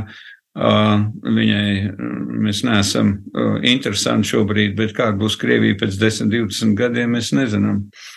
Tāpēc labāk dzīvot saskaņā ar kaimiņiem un, un dzīvot cerībā, ka mēs nosargāsim savu valstiskumu. Jurgankungs, nākamais fragments no 1998. gada. Ļoti daudz kritikas tolaik jūs saņemat par savu lēmumu sēsties pie viena galda un apvienoties ar Alfredu Rubiku un Tatjanu Ždanoku. Tas ir 98. gads, kad daudziem vēl ir atmiņā Alfrēds Rubiks 91. gadā augusta pučā un viņa draudi Latvijas sabiedrībai. Vēlāk viņš tiek notiesāts arī un, un nokļūst cietumā par to, kādēļ jūs nolēmāt uh, iet kopā ar Rubiku jau pēc brīža, bet tagad arī, lai atcerētos to laiku, mazs uh, fragments no panorāmas 98. gada 14. maija, un sižeta autori ir Līga Krapāne. Šodien tika noslēgta vienošanās, par kuras iespējamību vēl pavisam nesenā pagātnē vairākums Latvijas vēlētāju nevarētu pat iedomāties jo vienotā komandā ar Alfrēdu Rubiku, Tatjanu Ždanaku un Sergeju Dīmanu sevi pieteica arī Tautas saskaņas partijas priekšsēdētājs Jānis Jurkāns. Šis ir mēģinājums, un um, es saprotu, es saprotu šo lielo it kā Rubika problēmu, bet ja šis cilvēks ir ar mieru piedalīties pasākumā, kas veicinās Latvijas sabiedrības integrāciju, kas iestājas par Latviju, uh, Latvijas integrāciju Eiropas Savienībā, par latviešu valodu kā valsts valodu, par pilsonības likumu tādu, kāds viņš no, ir tagad izmainīts, jeb tie projekti, kas ir tagad saimā. Kāpēc ne? Tas ir kreisais spēks, kreiso spēku platforma Un nekādu iešanu pa labi nevienam nevajag pierakstīt. Gluži saviesīgi mājīgā gaisotnē šodien tika parakstīta politisko organizāciju apvienības par cilvēku tiesībām vienotā Latvijā statūti un dibināšanas kopsavilkums. Ieskats ir tālāk, tur sako arī vēl uh, Tatjana Ždanoka un viņas komentāri, bet, bet tas, ko es šeit, Jurkānkungs, sadzirdu, ka, ka jūs nolemt apvienoties ar Rubiku, jo viņš palīdzēšot veicināt integrāciju, latviešu valodas status, un jūs arī sakat, ka tas ir mēģinājums. Vai šis mēģinājums izdevās ar Rubiku? Es domāju, nevis es domāju, notika tā, ka Alfreds Rubiks iznāca no cietuma, viņš man piezvanīja, uzaicināja uz tevi pie sevis Tamsonielā. Es aizgāju, un viņš saka, ka uh, metam kauliņus kopā un veidojam, veidojam kaut kādu jaunu politisku spēku. Es viņam saku, Alfred, bet jūs ziniet, ka mūsu pamatnostādnēs ir dalība, dalība Eiropas Savienībā un NATO. Viņš saka, mums tas netraucētu. Mums, mums, ir, mums ir citi uzdevumi, kas mums ir jāveic pašā Latvijā, un tā ir sabiedrības integrācija. Es teicu, nu, kā būs ar Danu? Viņš saka, būs tā, kā vajag. Un es tajā laikā es biju pārliecināts, tiešām pārliecināts, ka kreiso spēku konsolidācija un pēc tam uz šīs te PCTVL bāzes izveidot jaunu kreiscentrisku partiju, Mēs bijām pienākuši diezgan tuvu visam tam, bet tad, tad bija cilvēki, oligarhi, kuriem šī ideja, ka mums būs viena liela, spēcīga struktūra, viņiem nebija pieņemama, jo tik liela struktūra, ar tik lielu struktūru manipulēt viņiem bija grūti, būtu bijis grūti, un tāpēc mūs sāka drupināt. Bet, um, tie oligarhi tie varētu būt saistīti ar bankām, toreiz bija vairākas ietekmīgas. Saucam vārdā pareksiem. Mhm. Jā, sevišķi ar Pareks banku, un tad sāk no mums uh, uh, ņemt no deputāts. Mēs dabūjām 98. gadā 25 spogu saimā. Un tas bija liels spēks, un uh, mēs būtu, mēs būtu tiešām ļoti lielā, es, man bija pārliecība, ka mēs ļoti lielā mērā spēsim integrēt sabiedrību un palīdzēsim tiem cilvēkiem, kuri varbūt pirms kādu laiku uh, neatbalstīja Latvijas uh, dalību Eiropas Savienībā, jeb NATO. Es domāju, es cerēju, ka mēs varēsim cilvēkus pārliecināt, un lielā mērā mēs arī pārliecinājām. Es varēju pārliecināt Alfredu Rubiku, uh, tad kāpēc ne cits? Bet nu, tā tas bija, ka uh, Latvijas politika tajā laikā sāk ļoti korumpēties, un uh, Latvijas politika sāka pirkt. Un šī politikas pirkšana ļoti lielā mērā uh, atsaucās uh, arī uz saskaņu, jo no nu, mums sāka vilkt projām, jeb pārpirkt uh, deputāts, un uh, tur es vairs nevarēju neko darīt. Un, uh, Jo pret uh, lielu naudu var cīnīties tikai ar vēl lielāku naudu. Nu, mēs pieminējām paraksts, kas, kas bija tie, kuriem bija tāda nauda, lai viņi pirktu politiku un pirktu deputātus. Nu, Tajā laikā es, uh, es zinu, ka pirka Lembergs, pirka Kargins. Nu, tie, tie, tie, pa kuriem es uh, varu droši teikt. Bet, um, Jums arī piedāvāja kādu, kādu naudu? Es nekad, es, es nekad ar partijas naudām nenodarbojos, jo pēc tam, kad mani apsūdzēja, ka es esmu nozadzis Latvijas naudu, ko kādreiz uh, ministrijai iedeva Anatols Dimbergs, kas bija mūsu uh, vēstnieks Vašingtonā, es nekad naudai nepieskāros, jo man ar to pietika, jo, jo, jo man, man vienkārši, man vienkārši derdzās iet tur kaut kādu, pie kaut kāda kargina un tur, tur tagad lūgt, iedod man vēlēšanām. Tas nebija manā dabā, un tāpat tās arī ar Vēnspilniekiem. Tas nav mans. Un es, es zinu, ka tur notika. Es zinu, ka ir bijuši arī balsojumi, arī es esmu kādreiz balsojis par ko man varbūt arī kauns lielā mērā, bet toreiz bija tāda situācija, jo pirms vēlēšanām vienmēr vajag naudu. Visām partijām bez naudas tu neko nevar izdarīt pirms vēlēšanās un tā tālāk.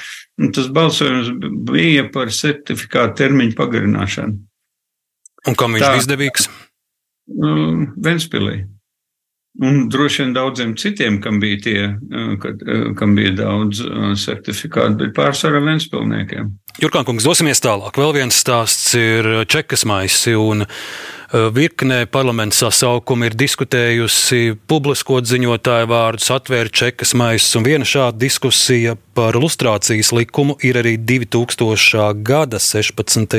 martā saimā, un tribīnē kāpjat arī jūs, un, un jūsu viedoklis ir kritisks, ka šos čekas maisus aiztikt nevajag. Paklausīsimies fragment no 2000. gada saimas sēdes. Projekta autori tēvzemiešu deputāti prognozēja, ka pašlaik kopumā Latvijā vēl dzīvo 20 līdz 30 tūkstoši bijušās PSRS pēcdienestu darbinieku un aģentu. No tiem tā saucamajos čekas maisos, jeb no kādreizējās VDK pārņemtajos arhīvos, atrodas tikai kāda desmitā daļa. Ņemot vērā citu postkomunismu zemju pieredzi, projekts dodot reāls cerības, ka labprātīgi sevi izgaismos vēl pāris tūkstoši cilvēku. Ar šo likumu mēs nošāvjam divus zaķus vispirms e, cilvēkiem dod, dodam iespēju morāli attīrīties, otrkārt valsts par ļoti lētu cenu dabūna milzīgi vērtīgu informāciju par bijušiem aģentiem, jeb par uh, potenciāliem Krievijas aģentiem nākotnē. Kopā ar tēvzemiešiem projekta tālāk apspriešanu atbalstīja gan valdības priekšgalā esošā tautas partija, gan opozicionāri sociāldemokrāti. Visā sāko kritiku lustrācijas piekritējiem veltīja Jānis Jurkāns. Šis likuma, projām, likuma projekts šķeļ šo sabiedrību vēl vairāk. Vai tas ir tas, kas mums ir šodien mūsu sabiedrībai vajadzīgs? Un es jūs, kolēģi, ļoti lūdzu, būsim atbildīgi un padomāsim par šo nabaga valsti. Jo mēs esam ļoti sliktā situācijā šodien. Un domāsim par to, ka mēs tiešām varētu aizvērt šo vēstures aizskaru un dzīvot nevis, kā mums saka, deal with the past, bet dzīvosim mūsu nākotnē. Tā mums ir jāveido. Nevis jārok augšā viss tas, kas, kas padara mūs nepievilcīgus pasaulē. Kā mēs izskatāmies? Šeit dzirdējām arī no deputātiem, toreiz jau tēvzmiešu deputātu Juri Vidiņu. Nu, jūs runājāt par to, ka šis vēstures aizskars ir jāizver. Vēlāk parlaments lēma savādāk, aizskars tika atvērts un VDK kartoteka tika publiskota. Un ko tas mums deva? Ko tas deva sabiedrībai, ka teiksim, to pašu Ivaru Godmanu apsūdzēja, ka viņam tur bija kartiņa un inkēna un cilvēks, Ojā Rubēna cilvēks, kas darīja ļoti labu darbu Latvijai tautas, tautas fronts laikā, labvakars, kādu pienesumu deva labvakar puiši, un, un tagad viņus apsūdz, ka viņi bija čekisti. Da, lai viņi divas reizes čekisti, dubult čekisti, bet viņi toreiz izdarīja labu darbu. Mums vajag saprast, ka mēs dzīvojam, es vismaz dzīvoju 40 gadus uh, valstī, kurā cilvēkiem bija grūti nekļūdīties. Un uh, cilvēki, kas gribēja, kas gribēja kaut kādos būt amatos, saprata, ka jāstājās partijā un droši vien arī ir, um, ir jāsadarbojas ar čeku.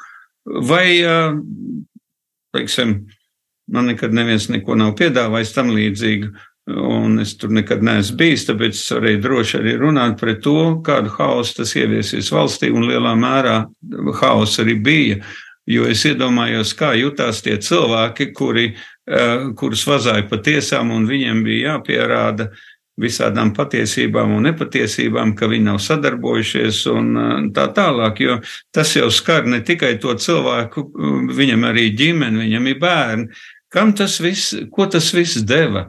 Attīrīsies lustrācija. Nu, un, nu, Andrejevs, uh, Andrejevs pats atzinās, uh, Andrej, nu, bijušais ārlietu ministrs Georgs Andrejevs, nu, un Nu, nu, jā, nu, viņš atzinās, ka viņš bija, nu, un viņa aizsūtīja pa vēstnieku uz NATO valstu Kanādā. Viņš tur nostrādāja, un neviens nekad viņam nepārmet to, ka viņš ir bijis uh, aģents un, un tā tālāk. Tā kā es domāju, ka tas, tas, es uzskatu, ka tas bija liels ļaunums nodarīts Latvijai. Nākamais fragments būs saistīts ar um, valsts prezidentu Vairvīķu Freibergu. Jūsu komentāros jūs esat uh, gan viņu kritizējis, bet šajā jautājumā par um, VDK karteiku šķiet jūsu viedoklis sakrīt arī prezidenta Freiberga. Tolēk esot amatā uzskatīja, ka, ka šie maisi nav jācelā, bet šeit būs viens fragments arī no 2000. gada jūnija no Tautas saskaņas uh, partijas kongresa, kur eh, izskan gan kritika par to, ka 17. jūnijas ir noteikts par Latvijas okupācijas dienu, gan no uh, tribīnes izskan tā diezgan vīpsnājoša attieksme pret Vairvīģu Freibergu. Viņa tiek salīdzināta uh, ironiski ar māti Terēzi un tā tālāk. Nu, uh, Jūsu attieksme pret prezidentu Freibergu šeit no 2000. gada Tautas saskaņas partijas kongresa ar viens fragments. Partijas priekšsēdētājs Jānis Jurkāns savā uzrunā kongresa delegātiem kritizēja valsts vadītājus par arvien lielāku politikas mitoloģizāciju un nespēju analītiski raudzīties uz Krieviju. Atļaušanās uzlūkot Krieviju kā pašmāju lēli nevis reāli kaimiņu valsti Latvijai varot dārgi maksāt. Ir jau labi, ja valsts prezidents uzņems gluži vai mātes Terēzes lomu un tiek brīdināt pasargāt pasauli no Krievijas ļaunuma un agresijas. Latvijas politiskā telpa tomēr atšķiras no trimdas latviešu sajiešanu telpām, kurās aprobēti un meistarīgi pasniegti stereotipi rada visiem patīkamas sajūtas. Prezidents piedāvājums braukt prom tiem, kuriem nepatīk jaunā Latvijas valsts, ir piedāvājums veikt ideoloģisku tīrīšanu, lai arī demokrātiskā valstī uzskata daudzveidība, arī attieksme pret valsti ir dabiska lieta. Tādi jūsu vārdi 2000. gadā, nu, ja šajā raidījumā es dzirdēju no jums eh, atzinīgus secinājumus par prezidentu Ulmani, Guntu Ulmani, tad, tad uz vairs Vīts Freibergs darbību jūs raugāties, saprot, atšķirīgi. Es domāju, ka šodien skatoties, uz, skatoties atpakaļ, patiesībā viņi bija uh, labākais prezidents um, Latvijā ar visu to, ko es arī teicu no tribīnas. Tā tas viss bija. Un, uh, un arī, arī, arī personīgi uh, man varētu būt visādi aizvainojumi, bet es stāvu tam pāri un es uzskatu, ka viņa tiešām bija labākais prezidents un uh, viņa ļoti labi pārstāvēja Latviju un par to viņai paldies. Par ko bija tie jūsu personiskie aizvainojumi, kāda viņas izteikuma jūsu virzienā, vai kas tur bija? Es, nu jā, nu, nu jā, nu, bez maz vai runājot no saimnes tribīnas, viņi skatās pār plecu pa kreisi, nu, tur sēž tie, tie, tie Kremļa aģenti apmēram tā. Nu, tas es uztveru to personīgi. Mēs nebijām nekādi aģenti. Mēs bijām uh, varbūt vēl lielāki Latvijas patrioti nekā tie, kas sevi par tādiem uzskatīja, jo mums bija atšķirīga izpratne par to, kas ir patriots. Jurgān kungs, nu, vēl viens fragments, es gados mums tas laiks strauji iztek, bet es divus gribu, un viens būs eh, arī viens projekts, eh, kur eh, politiķi no ļoti dažādiem flangiem, te es skatos, ir Juris Bojārs, Māris Grīmblats, Vils Kristupans, Andris Šķēle, un arī Jānis Jurkāns piedalās projektā, Latvijas radio projektā, kur tiek ielasītas kārļas, kalbes, pasakas, un Jānis Jurkāns lasa Kaķīša dzirneviņas 1900. 1998. gada 29. decembra ieraksts. Mm, jā, ir arī ieraksts, kur jūs radiofonotēkā esat saglabājies fonotēkas ieraksts, kur jūs lasat pasakas. Tad nu, arī tādu paklausīsimies. Ziemu es mīlu piemiegt acis, baltā teikana lodiņā sīca un pūta tvaiku caur nāsīm, piemiegt acis un sapņot. Es redzu zemi, kur teijas koks zied un zilus karaļs vārkus, kuros lokās zelta puķi. Es redzu, kā viņus planda vasaras vējš. Karalis iet caur dārzu uz savu alabastra lapeni. Tur viņu gaida 12 dāmas, 12 zeltainu teisroģu, līkām, sapņos noraibušām acīm. Viņi dzer tēju no mazām porcelāna tasēm, uz kurām uzgleznotas mazas dāmas ar līkām, zeltbrūnām acīm, kuras redz tikai teiks. Tad karalis atsauc savu stāstītāju un liek viņam stāstīt stāstus par puķiem un varoņiem. Un kad puķis ar 12 galvām iedzen varoni līdz krūtīm zemē, tad 12 dāma noliec 12 tumšu galviņu uz šaurām dzeltenām rociņām un tvīkst un drēb, kamēr varonis nav nocirts puķim 12 galvas. Es varētu stāstīt daudz pasaku, bet tās visas ir no Ķīnas. Runs, stāsti tu. Lūk, tā Jāņa Jurkāna balsī, Kārļa Skalbes, Kaķīša Dzirnavs. No, no tā, ko jūs teicat, ka jūs, jūs lasat daudz, bet tie pārsvarā ikdienā esot tiešām tie ir saistībā ar politiku, ar politiku memoāriem, tāda literatūra. Vai arī ir par mīlestību, ir krimināli, krimināli romāni? Es um, vakaros um, pārsvarā lasīju dzēju, jo um, es uzskatu, ka dzēja ir uh, viena no, no mākslām, kura palīdz valodu bagātināt. Uh, jo šodien, diemžēl, man jāsacina, ka Latvijas valoda kļūst ar vien tādu kancelējiskāku, birokrātiskāku. Un ļoti lielā mērā, manuprāt, tāpēc, ka cilvēkiem nav laika rakstīt dzēju, viņi pārsvarā aizņemt ar visām ikdienišķām problēmām, Bet dzēja ir, ir, ir kaut, dzējā ir kaut kas vēlnišķīgi, jeb elišķīgi skaists un, un pavedinošs. Tālūk. Es nelasu krimiķus. Man, man, man žēl laika, es lasu kādreiz memoārus, uh, lasu kaut vai tāpēc, lai, uh, lai uzzinātu, uh, ko man politiskie laika biedri fantazē par tiem laikiem, kurā es arī piedalījos. Un man liekas, arī Freibergā, piemēram, man liekas, nu uzpras, es taču tur biju. Es zinu, kā tas bija, nefantazē. Bet nē, nu, nu, viņam gribas kaut kā, un es nerunāju par redzējumu, es runāju par faktiem. Faktoloģiski ļoti daudz kļūdās, un, manuprāt, apzināti kļūdās, jo tādējādi mēģinot sevi izspīlēt kā kaut kādas liels varoņas. Tātad vakaros lasat dzēju, vai, vai ir laiks arī mūzikai, un, un, un kāda veida mūziku jūs klausāties? Nepārtraukti es klausos um, rock'n'roll un country mūziku. Un kā ar šlāgerīšiem? Uh, es klausos, nu, country mūzika jau lielā mērā ir šlāgers tikai angļu valodā, bet uh, Nu, kaut kā tā man, man, man kaut kā jocīgi, ka rokenrola ir šlāgers, jeb to pašu country, dzied latviešu valodā ar kaut kādiem ir, ir izņēmumi, kad ir baigi labi, ļoti labi lirika. Un, un Jurkānkungs, varbūt viens no izņēmumiem ir brāļu laivinieku dziesma Bagāts un Nabaks. 2008. gada Latvijas radio ieraksts un dziesmu dzieda neviens cits kā Jānis Jurkāns. Un arī otrs Jānis Jurkāns, eh, eh, jūsu vārdu un uzvārdu brālis, arī šāds ieraksts ir. Un, lai tas šodien izskan, eh, tas ir fragments no cikla Jāņu dziesmas, gal galā Jāņu tuvojas. Jānis Jurkāns un Jānis Jurkāns brāļu laivinieku dziesma Bagāts un Nabaks.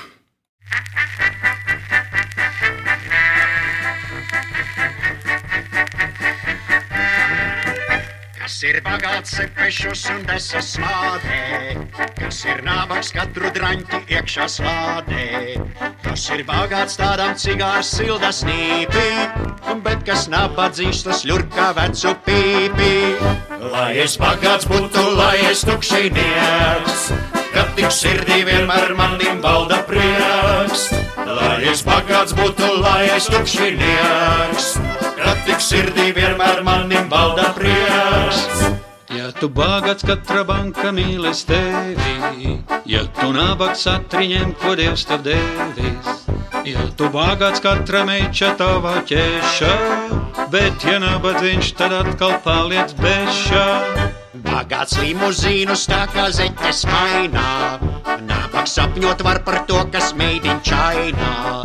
Bagāts tas tiek nešus nes uz Arī dziesma pagara Jānis Jurkāns zied, ja tu bagāts, katra banka mīlēs tevi.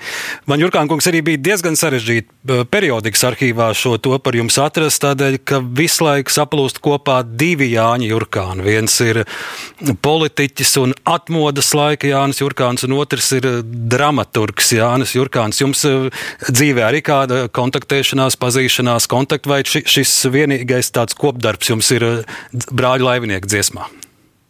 Nē, nu es esmu tad ar viņu ticies, un viņš vien brīdi bija priekšnieks uh, Latviešu biedrības namā, un uh, viņš vispār tāds jautrs un, un, un interesants cilvēks, un mēs kopā uzstājamies Ventspili, kur mēs uzstājamies, kaut kādās līgo pasākumā mēs ar viņu dziedājām, Nu, man saprotiet, kādreiz tā, tu esi tādā politikā līdz ausīm, un tad ir kaut kāda tāda izklaide ar interesantiem cilvēkiem un, un, un tādā nepiespiestā gaisotnē.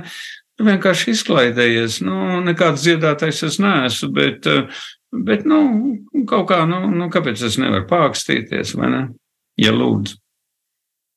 Jurgān kungs, es teikšu jums šajā brīdī lielu paldies par šo sarunu, par jūsu vērojumiem, komentāriem un, un, un kā ar vienu jūsu aso skatu uz to, kas notiek Latvijā un to, kas notiek mums apkārt. Paldies jums! Paldies jums un uz tikšanos. Šodienas saruna ar bijušo Latvijas ārlietu ministru politiķu Jānu Jurkānu. Pie mikrofona bija Arnēs Krause, producents Ilza Aginta, par skaņu gādāja Reinis Budze un Arnolds Zauziņš, un paldies arī Latvijas Nacionālajam arhīvam. Turpiniet klausīties Latvijas radio!